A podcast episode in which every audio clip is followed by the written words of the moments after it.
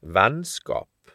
Det er stor forskjell på vennskap basert på nytte og vennskap basert på oppriktighet.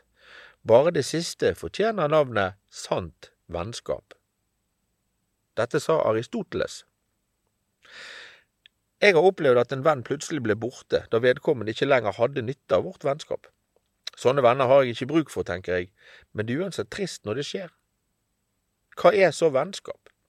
Det finnes selvsagt ikke noen fasit på dette. For meg, som har svært mange bekjente, men få nære venner, legger jeg følgende verdier i vennskap. Lyst til å dele tanker, følelser og opplevelser, og ønske om å tilbringe tid sammen. Jeg verdsetter bunnløs tillit, samt det å vite at jeg trenger vennen min, så er han eller hun der for meg. Jeg stiller selvsagt opp på samme måte. Sanne venner fører ikke regnskap over hvem som har vært der, mest eller minst for hvem. Så er det de som plutselig ikke har nytte av oss lenger, de som blir borte. Når jeg analyserer den slags vennskap i ettertid, ser jeg at det har vært enveiskjøring.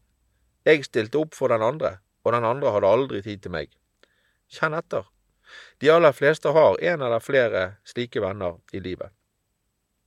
Mennesker som bare tapper oss for energi, som ikke er der når vi trenger de, og plutselig ikke har tid når det skal inngås avtaler. De er kanskje ikke de rette vennene likevel. Og samtidig må vi kanskje ta en liten tur på innsiden av oss sjøl, tenke over om vi er en sånn venn for noen andre.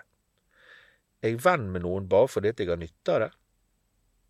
Dette er ikke lett å tenke på, og enda vanskeligere å gjøre noe med. Det er noe jeg bruker tid på, fordi vennskap er viktig i livet mitt.